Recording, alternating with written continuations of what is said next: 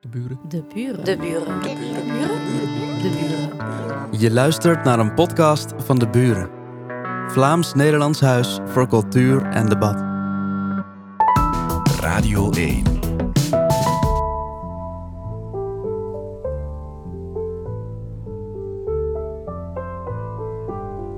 Ons kind is een typische kleuter.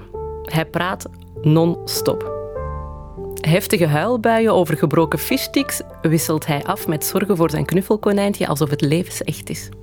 Zijn wil sterk als het vibranium uit Wakanda.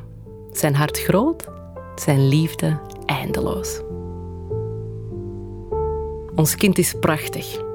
Hem opvoeden, daarvoor is een dorp nodig. En in ons dorp wonen wij, de ouders, de grootouders en hebben we kinderopvang. Een crash in ons geval.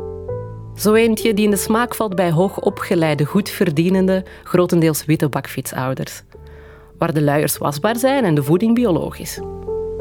Zo eentje waarvoor wij dagelijks met plezier kilometers omrijden omdat de begeleiders moderne Mary Poppinsen zijn.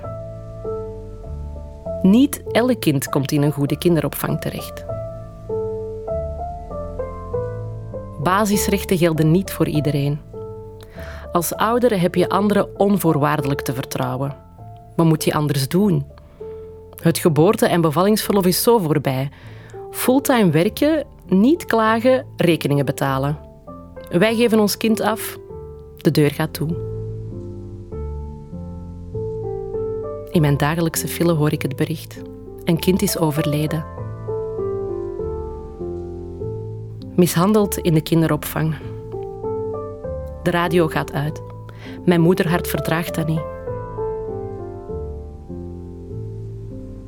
Hoe voelen zij zich? De mensen die beslissen dat negen kinderen per begeleider werkbaar is. De mensen die deze sector uithollen, onderfinancieren.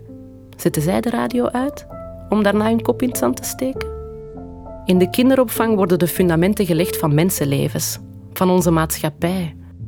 Op wankele fundamenten zet je geen stabiele huizen. Dat weet iedereen. De buren. De buren. De buren. De buren. De buren. Je luisterde naar een podcast van De Buren. Vlaams-Nederlands Huis voor Cultuur en Debat. Benieuwd naar meer? Luister ook naar onze andere verhalen en registraties.